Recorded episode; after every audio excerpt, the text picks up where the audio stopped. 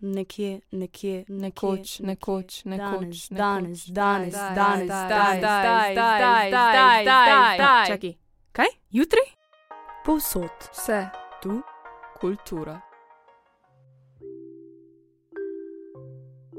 Pozdravljeni v novi oddaji, ki je tu most. Danes obravnavamo še eno izrazito vrednoto sodobnega časa. Miša, česa se bomo lotili tokrat? Spraševali se bomo, kaj pomeni biti individuum, kako in kdaj se sploh pojavi želja po individualnem izražanju. Pokomentirali bomo serijo The Queen's Gambit in jo postavili ob bok tajvanske seriji A Thousand Good Nights. Zato, ker se vsaka na svoj način dotika teme, ki se je lotevava danes. No, pa za začetek ločiva pojme, ki jih pogosto slišimo v nekakšni povezavi. Kakšna je torej razlika individuum oziroma posameznik, individualizem in individualnost ali individualizacija? In kako so izrazi med seboj sploh povezani? Hm. Meni se zdijo te besede tako prepletene, da je nekako izredno težko najti razlike, saj iz glave. Tako da Nika bi nam mogoče povedala, kaj je individualizem. Ok, torej, individualizem je, kot že samo ime pove, eden od tistih izmov. Izem kot ideologija, ideja, ki se rada ponaša s skupkom ljudi, ki sledijo, ki verjamejo, da je resnica. Torej, izem kot končnica besede. Torej, individualizem sam je torej ideologija, kjer ima individuum osrednjo vlogo, kjer se to, da si posameznik, poveličuje. SSKJ pravi: Individualizem je nazor, ki zelo poudarja pomen in interese posameznika, ne oziraje se na skupnost, družbo. In v današnji dobi bi rekla, da smo rojeni v individualistično okolje, vsaj pri nas. Borba za vrh družbene lestvice, za dobiček, za udobje, pri tem pa se ne malokrat potlači dejstvo, da se zaradi sebičnosti posameznikov ustvarja dvojnost namesto sloge. Uh, sebičnost. Sebičnost je tema, o kateri bi definitivno lahko spregovorili kakšno besedo več, ampak je današnja oddaja kar konkretna in bi morda to raje pustili za drugič. Se nam oprostite, ne. Vsekakor pa je vredno omembe, da je prava mera sebičnosti verjetno čisto zdrava. Nika največje preglavice mi povzroča pojem individualnost. Kaj pa to pomeni? No, v bistvu zveni res posem podobno kot individualizem, ampak je zgodba, ki jo poimenuje ta beseda, precej drugačna. Da se spet naslonim na SSKJ. Individualnost so vse lastnosti, značilnosti, ki jih ima človek kot posameznik, oziroma ki jih ima individualno, individu. Torej. Individualnost pa se doseže z individualizacijo, procesom, v katerem se človek zave, da ima določene lastnosti, izkušnje in preteklost, ki ga oziroma jo ločujejo od drugih. Ampak paradoks je tu. Individualnost obstaja le v odnosu z drugimi stvarmi v vesolju. Poleg tega pa je individualizacija tudi to, da obravnavaš vsakega človeka, ki je del nekega procesa, kot posameznika in ga ne predalčkaš po ustaljenem vzorcu. No, vse zadnje nismo roboti. Mhm. Ok, zdaj imamo individualnost, imamo individualizem, ostane nam še individuum, posameznik. Kako bi pa to definirala? Posameznik si, ko te nekaj ločuje od drugih, ko si unikaten v svojem smislu. V današnjem času se mi zdi, da se vsi zelo močno trudimo biti mi sami. Včasih celo do te mere, da se vprašam, česa se tako bojimo, pred čem bežimo in pred čem nas zavedanje, da smo posameznik in ne nekdo drug, varuje. Odgovorov na to je najbrž več. Tudi tu pa spet ugotavljava, da neka stvar postane vrednota, ko nam je bila v preteklosti odvzeta. Kako je torej individuum postal vrednota? Miša, zdaj imaš pa ti besedo. Eh, najlepša hvala. Um, verjamem, da bi lahko našli množico različnih vzrokov za vznik ideje individuma. Midve smo jih našli v dokumentarcu The Century of the South, ki si ga lahko gledate na YouTubu. Dokumentarc v štirih delih pojasnjuje, kako so mediji in ponudniki produktov izkoristili Freudovo odkritja in jih izrabili za svoj zaslužek. Njihov prvotni cilj je bil vzgojiti ljudi v ubogljive državljane. Posledično so elite usmerjale potrošnjo in množice konzumirale tisto, kar jim je bilo predpisano. Oblačili so se podobno, živeli v hišah, ki so si bile skoraj identične, in tako dalje. In tako dalje. To je bil ideal. V 60-ih pa pride do prelomnega momenta. Prej omenjena povojna generacija ne zmore več.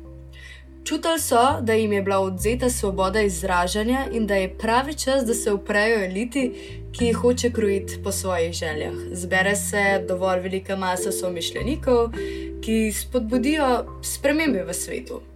In če hitro zaključim dolgo zgodbo, podjetja se novi situaciji prilagodijo tako, da z različnimi javnomnenjskimi anketami ugotovijo, kako zadovoljiti potrebe individualistov razvrstijo jih glede na življenjske stile. To je to. Upornike proti kapitalističnemu sistemu utišajo s tem, da jim ponudijo tisto, čemu se ne morejo opreti: možnosti, da izrazijo svojo drugačnost. No, o vsem tem naj jo je poučil dokumentarec A Century of the Self.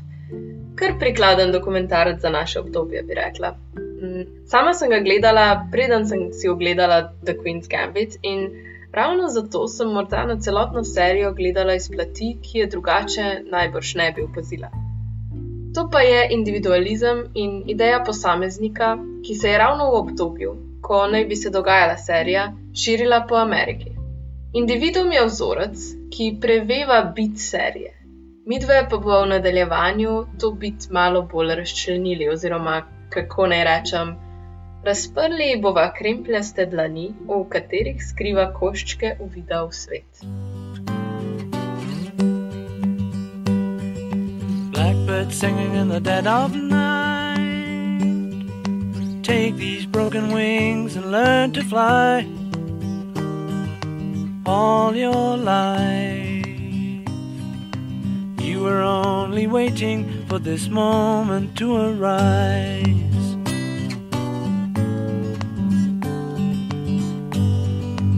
Blackbird singing in the dead of night. Take these sunken eyes and learn to see all your life. You were only waiting for this moment to be free. Blackbird fly. Blackbird fly into the light of a dark black night.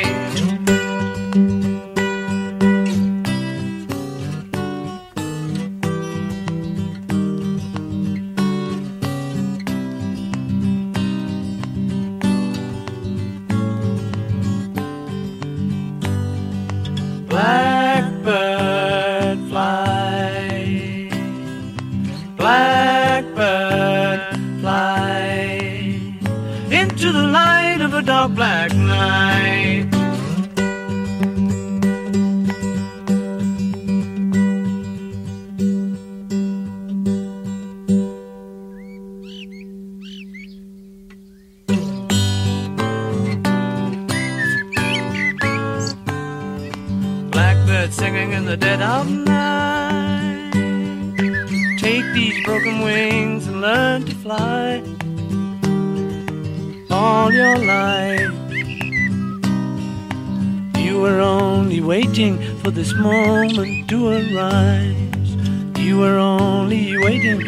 this moment to arise. You were only waiting for this moment to arise. Queen's Gambit, miniserija, ki je obnorila zahodni svet. Naj vas razočaram, ni napisana po resničnih dogodkih in izdam ne tako prikrito skrivnost, črpa iz knjige Walterja Tevisa. Režiser Scott Frank nam je s pomočjo ekipe oktober 2020 na ogled postavil zgodbo o šahistki Bet, ki je na IMDB ocenjena z kar 8,9. V primeru, da je še niste uspeli pogledati, si lahko vseh sedem epizod ogledate v 6 urah in 33 minutah, kar je dokaj malo, glede na to, kako veliko serija ponuja. Ker obstaja verjetnost, sicer zelo majhna, da te tako imenovane zgodbe o uspehu še ne poznate, se ne bom spuščala v podrobnosti. Izdam vam lahko le, da zgodba govori o Beth Harmon, rdečelaski z velikimi radovednimi očmi. Ker njena mati naredi samomor, oskrbo in vzgojo, takrat tukaj majhne deklice prevzame sirotišnica. Takšna, rahlo nenavadna sirotišnica. Deklica morajo namreč vsak dan zaužiti po dve tableti. Kar omenjam zato, ker ima ena izmed tabletk pomembno mesto v protagonistkinem življenju, ampak vas bom postila o tem še malo razmišljati. Nekega dne, ko Beth prečasno reši nalogo iz matematike, odide v klet sprat gobo, na kar sreča hišnika, ki jo nauči igrati šah. Tako, nekaj si zada začneva kar na začetku. Seveda, potopiva se v zgodovinsko navezavo. The Queen's Gambit se dogaja v 60-ih, kot si že ti rekla, Miša. Takrat je bila v Ameriki zlata doba. Hkrati pa, če omenim, se je Amerika na drugem koncu sveta upletala v Vietnamsko vojno in napetosti v jugovzhodnji Aziji, in trajala je hladna vojna. Torej, ozremo se lahko na modo, hiše, pohištvo, dekoracijo in takoj se zavemo, da gre za idejo ameriških sanj in lov za idealnim posameznikom. Vendar pa se tu stremenje po normalnem preveša v izstopanje. Izstopati z okrasitvijo hiše, z avtomobilom, z oblačili in v primeru Beth z uspehom. No, Pa sedaj v najprej loti želje po uspehu in kako se ta povezuje z individuom. Beth je odličen primer posameznice, ki jih lepi po samodokazovanju. Ne glede na to, da je bila v svoji disciplini vse čas obkrožena z moškimi, ni nikjer v seriji iz njene strani jasno izražena želja, da se dokaže, ker je ženska. Se pravi, moški je ženska. Stremi potem, da se dokaže, ker je Beth. Verjetno si zdaj mislite, Miša, pa sej Bet je ženska. Seveda je, ampak ni samo to. Mislim, vse smo vsi veliko več kot le naš spol. In če se vrnem k samo dokazovanju, Nika, kaj misliš, odkot izhaja ta vzgib? No, jaz bi se definitivno strinjala, da se Bet ne dojima kot ženska, ki igra šah, ampak kot no, človek, ki igra šah. Um, tako da se mi zdi, da se dokazuje kot človek. Ampak po drugi strani jo mediji vidijo ravno tako, kot se sama ne, kot žensko, ki igra šah. Ker je v družbi to nekaj čudnega, da se torej ženska intelektualno udejstvuje. V člankih se bolj posvečajo temu, kot njenim strategijam, njenemu razmišljanju, njeni poti. Hkrati mi je padlo v oči, kako veliko da Beth dejansko na zunanjost. Mnogi jo okličajo celo za divo. Kako bi rekla, da oblačenje in materialne stvari gradijo posameznika? Uh, to je zelo, zelo zanimivo vprašanje. Najprej bi rekla, da je prva stvar, ki jo zaznamo pri človeku, verjetno njegova energija. Poleg vonja, seveda, ker nam je to nekako nagonsko prirojeno. Uh, takoj za vonjem in energijo, pa seveda tudi, če se včasih ne upamo ali ne pustimo priznati, verjetno opazimo vizualno podobo. Kar kupujemo, nas zaznamuje in hkrati se prek imidža povezujemo s somišljeniki. Če ti dam preizkusnika, bi raje pristopila k našpičeni gospe v temno-rdečem kostimu ali k dekletu z dredi, s prijaznim nasmehom in knjigo v roki. Iskreno, mislim, da že veš odgovor, sploh glede na mojo osebnost. ja, Mislim, zdaj te že kar nekaj časa poznam, tako da sem predvidela, da bi bil tvoj odgovor, seveda, prijazno dekle z knjigo v roki. Zdi se mi, da si mnogi želimo, da bi naš zunanji videz odražal našo notranjost. Spet drugi pa z neko neutralno obliko želijo ostati skrivnost. Ja, in to ravno kaže v bistvu nas kot posameznike, že naš zunanji videz, naša oblačila. Kaj pa besede stiske? Zdi se mi, da so tudi te precej povezane s tem, da se počuti odtujena, sama in da se noče zanašati na nikogar. Uf, glede stiskne. To je težko govoriti o situaciji, ki je nisi občutil na lastni koži, kljub temu, da si jo neznansko želiš razumeti. Odsotnost očeta in izguba matere v zgodnem otroštvu je, vsaj po mojem mnenju, izredno traumatična izkušnja, ki je, po, ki je verjetno vplivala na to, da se je Beth soočala z neko vrsto posttraumatske stresne motnje. Poleg tega je na njo močno vplivala sirotišnica, ki posamezniku, tako kot vsaka totalna ustanova, odzame tisto edinstvenost, identiteto. Vse deklice so morale nositi iste obleke, dan za dnem so morale slediti strogim pravilom ustanove. Sirotišnica je bila obdana z žico. Da pa so uravnavali njihovo razpoloženje, so jih za povrh še prisilili v uživanje tablet in posledično pri nekaterih deklicah povzročili zasvojenost. Druge so jim bile blizu že od malega, bile so jim uteha, sploh Beth. Kasneje razvija tudi zasvojeno z alkoholom, v katerem je verjetno utapljala nek občutek nemoči. Namesto da bi pomoč našla v prijateljih ali strokovnjakih, se je raje zanesla na sebe in različne opojne substance. Zdi se mi, pa da pozabljava Betino najljubše zdravilo proti kruti realnosti. Nika, katero? V nasprotju s traumatično izkušnjo je šah nudil oporo. Tako da definitivno govoriva o šahu. Bil je njena rešilna bilka, nekaj, na kar se je lahko povsem fokusirala. Zdi se mi, da se kot otroci naučimo marsikaj o tem, kako se soočati s svojimi stiskami, na dober in na slab način. Beth je druge izkoriščala še dolgo v odraslost, kot si ti rekla, Miša.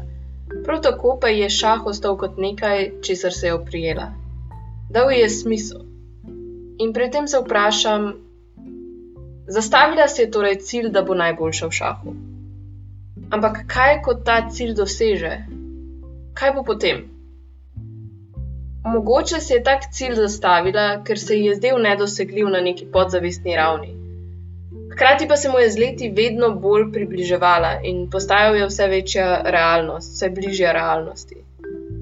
Ko opazujem Beth skozi epizode, je kakor da bi opazovala igro obrambnih mehanizmov in stremenja. Mogoče z odhodom v Rusijo ne odlaša zato, ker bi se bala poraza, ampak bolj zato, ker se boji, da bo zmagala. In če zmaga, se bo morala poglobiti vase zunaj šaha, se soočiti s svojo preteklostjo, s seboj in na vse zadnje s tem, kdo je. Hm. Zelo, zelo lepa razširitev in pojasnilo, zakaj je tudi šah lahko uporna bilka. Tako da, če je med nami kakšen navdušenec nad šahom, drž se šaha, šah je kul. Cool. Morda pa je smiselno, da se za trenutek odmaknemo od razpravljanja o individumu in se posvetiva nasprotju individualizma, torej kolektivizmu oziroma neki obliki kolektivizma, nacionalizmu. Serija se do določene mere dotika večnega boja za prevlado med Rusijo in Združenimi državami Amerike. V 60-ih je Rusija še vedno država komunizma, kar gre zahodnim državam, ki živijo demokracijo, izredno na živce. Zato, ker je Rusija močna in zato, ker se ne želi podrejati, tudi v šahu. Nika, ti si bila malo bolj pozorna na prikaz te problematike. Mm, ja, in kar je najbolj zanimivo, če nadaljujem tvoje, je, da tokrat Rusija dejansko izgubi po toliko letih vodilnega mesta v šahu. Pričakovala sem negativen odziv, razočaranje, dolge obraze iz strani ruskih šahistov. Tudi na koncu si Rusija in ZDA čestitata. To poveže ljudi. Niso več posamezniki, ampak so šah. Šah je aktivnost, ki jih združuje in hkrati jo oni so ustvarjajo skupaj ker ga spoštujejo. In tisto rokovanje pokaže, da gre za nekaj več kot srečanje posameznikov. Borkov, recimo, ceni igro in je ponosen, ko vidi nekoga, ki jo nadgradi, torej Beth. Ker jo čuti kot del samega sebe, ne zameji se v lastni poraz, temveč ga preseže. Ve, da je tukaj nekaj več. Borgov šah ceni bolj kot svoj imič in to se mi zdi nekaj izjemno lepega. Se mi zdi, da so ravno mednarodna športna tekmovanja ponavadi tista, kjer politika, vsaj med tekmovalci, do določene mere izgubi svoj vpliv. Nekaj spomnim se, pa da so med pisanjem oddaje govorili o zanimivih citatih iz serije in si rekla, da se ti je eden še posebej vtisnil v Mm, spomin. ja. To je nekaj, kar reče Benny v enem od pogovorov z Beth. Da citiram v slovenščini. Veš, zakaj so Rusi tako dobri? Ker sodelujejo. Mi, američani, pa smo tako prekleto individualistični, da si ničesar ne izdamo, ne vadimo drug drugim, ne pomagamo si, ne želimo dobrega drug drugemu. Tako, čeprav parafraziram. Ker pa ne bi bili mi dve, če vas ne bi usmerili še kam drugam in naredili še kakšno primerjavo, se bo tokrat obrnili k eni od Netflixovih tajvanskih serij. Mislim, da je skrajni čas, da vas seznaniva še s kakšno stvaritvijo. No?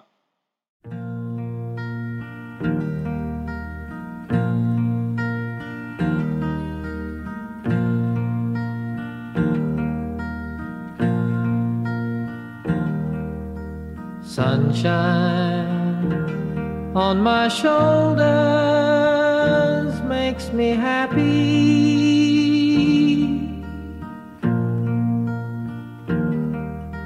Sunshine in my eyes can make me cry.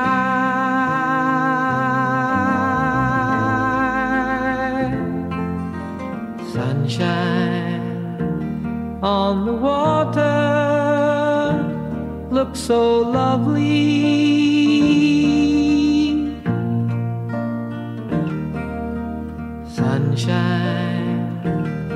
Almost always makes me high.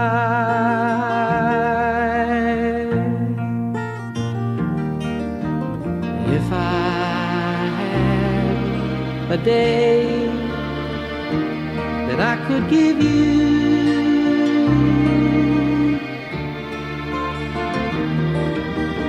I'd give to you a day just like today.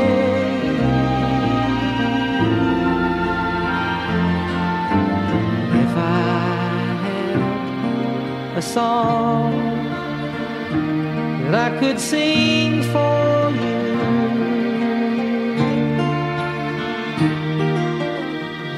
I'd sing a song to make you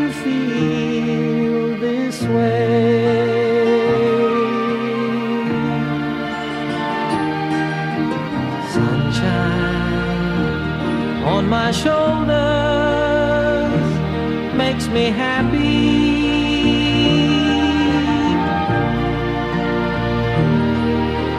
Sunshine in my eyes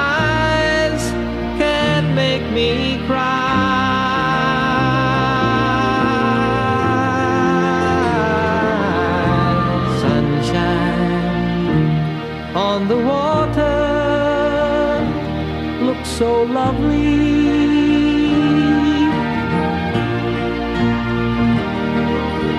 Sunshine almost always makes me high.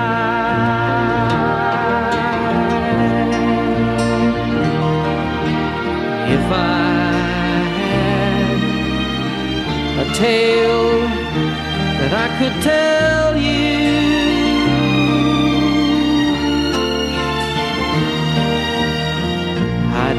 tale sure to make you smile.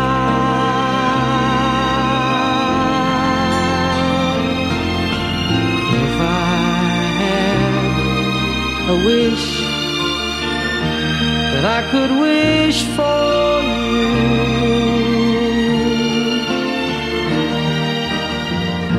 I'd make a wish for sunshine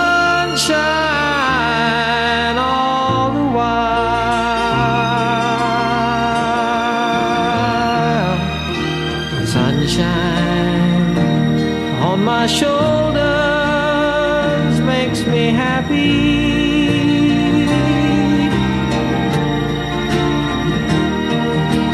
Sunshine in my eyes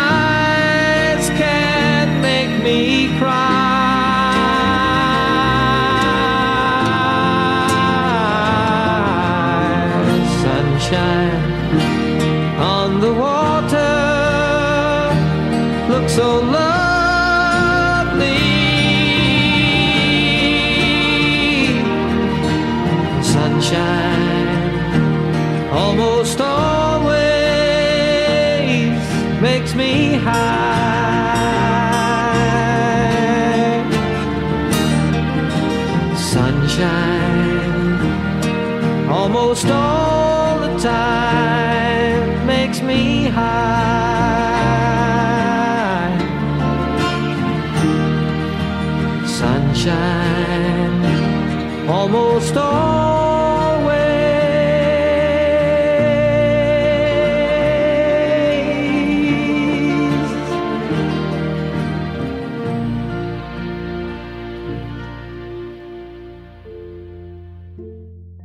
Jojnika, a nam lahko prosim poveš kaj več o tej seriji? Tako, ful me zanima, o čem se gre. Nekaj sem že gledala, ampak nasplošno, da jo malo zaobjameš. Serija A Thousand Good Nights, tisoč lahko noč oziroma po kitajsko Ichianga Wan An, je popolnoma drugačna kot The Queen's Gambit, vsaj na prvi pogled.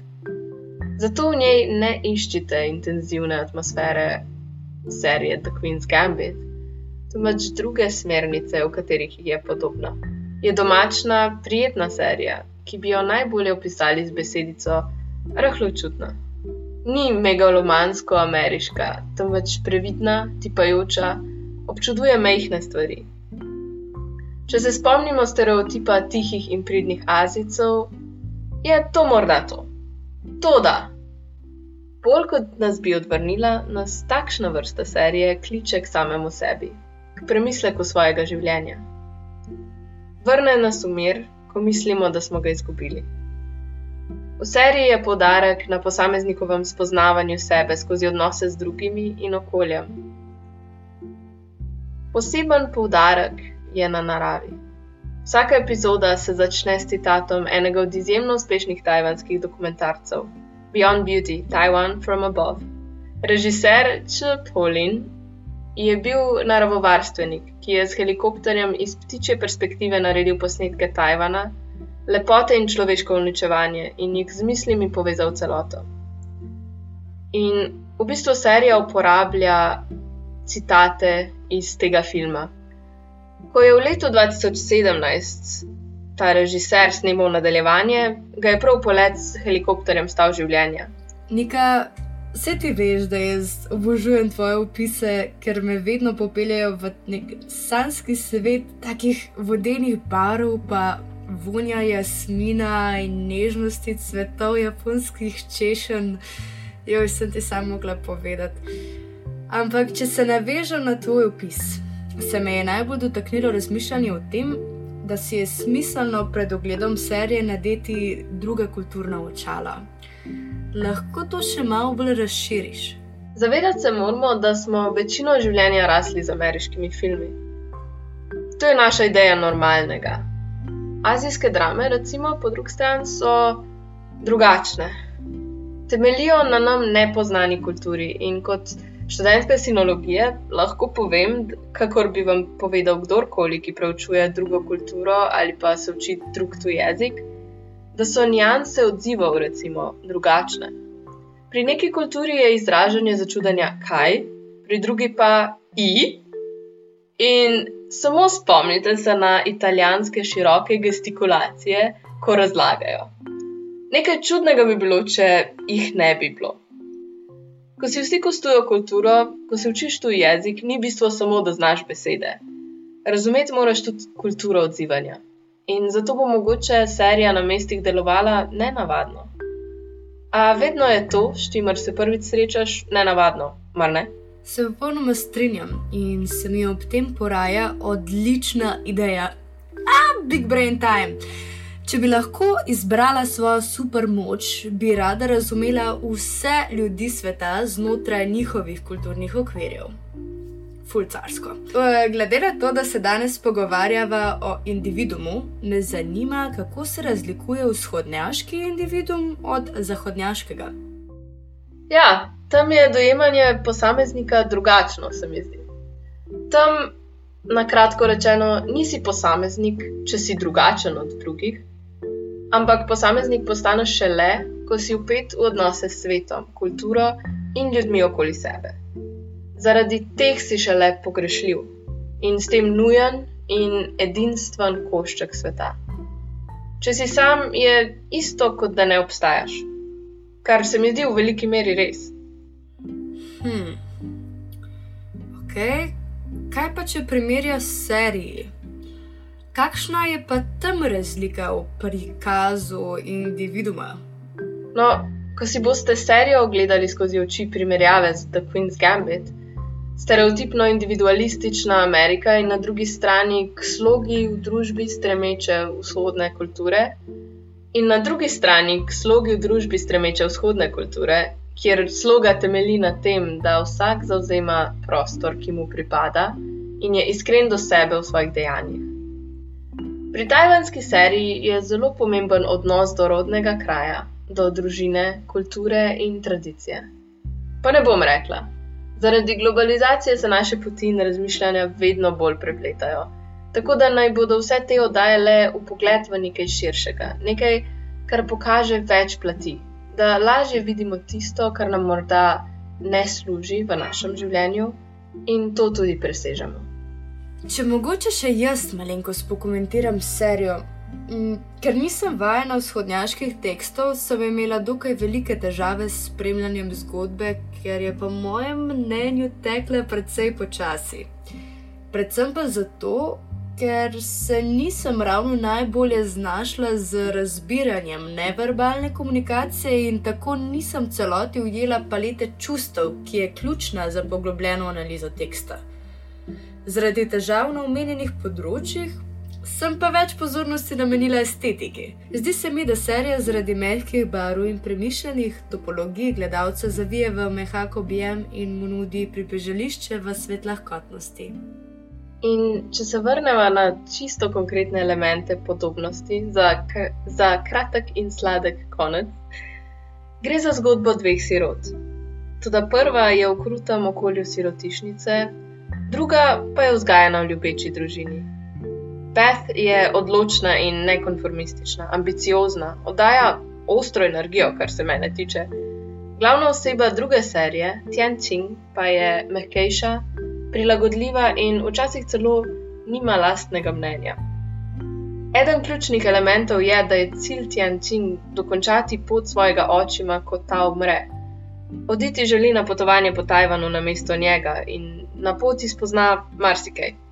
In kot sem že rekla, ta serija govori bolj o subtilnosti in majhnih stvarih, malih dejanjih, malih nesporazumih, kako smo vsi povezani med seboj. Vsaka od glavnih oseb, Beth in Tianqing, je tiha na svoj način. Obe pa se skozi seriji učita zastopati samo sebe. Nika, da vse skupaj zapakirava v neko veliko darilno škatlico. Mogoče, kakšne zadnje besede, mislim, ti imaš boljše zaključke kot jaz. Biti posameznik je pomembno, saj smo s tem nekdo, ki je pomemben v tem svetu, nenadomestljiv. A hkrati nas pretiran trud, da smo nekaj posebnega, da izstopamo, lahko tudi pogubi. Če pogledamo življenje okoli sebe, smo nepogrešljivi. Nekdo mora skrbeti za našo zlato ribico, nekomu smo spremenili življenje, nekdo po noči preudarja naše besede, če to vemo ali ne. Teh stvari ne bi mogel storiti nihče drug. Toda hkrati lahko, če želimo preveč poudariti, da vendarle nekaj smo, in če to počnemo skozi iskanje izstopanja, s tem zapustimo sami sebe. Postanemo le še eden od tistih, ki se podijo za slavo, denarjem, družbenim položajem, you name it. Nismo več posamezniki, ampak nekdo, ki je nadomestljiv. Nekdo, ki ga je v to privedla lastna želja po tem, da je drugačen. Nagradno vprašanje brez nagrade. Kaj te loči od nekoga drugega? Odgovor na nenagradno vprašanje pa nam lahko pošleš na mail, nekaj imam zapovedati, afna gmail.com, ker tudi mi dve nimamo pojma. Hvala, ker ste bili z nama. Tudi tokrat se javljava iz najnih spalnic. Mm, hvala, Miša, hvala, Roku. Hvala tebi, Nika. In um, se slišmo v naslednji oddaji, a ne? Ja, ko bomo že bolj zdravi. 眼看明天是一片空白，算了算，好像适应了那不安静，简单 变成了奢侈的事情，庸庸碌碌绿黄红灰黑白，打开手上的口袋名单，里里外外，窗户门边选择障碍，奇奇怪怪，节点正在，有点麻烦，最后回到习惯，反正还是全部都会吃完。断断续续，记下每封诗情画意，慢慢进去也比你写的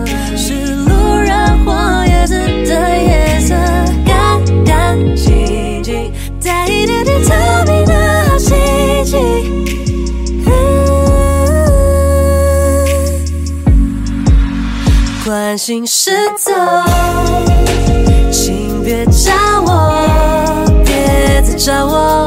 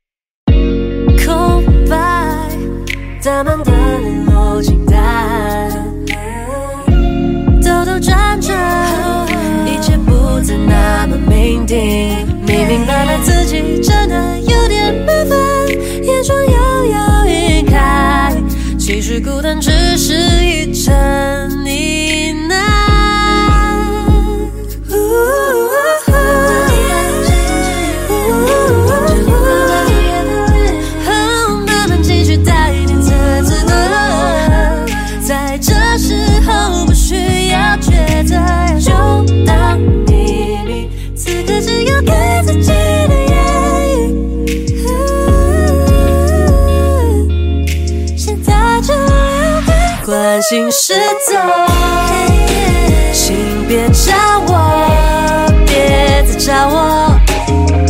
在承诺，在午后，只能够巧遇我。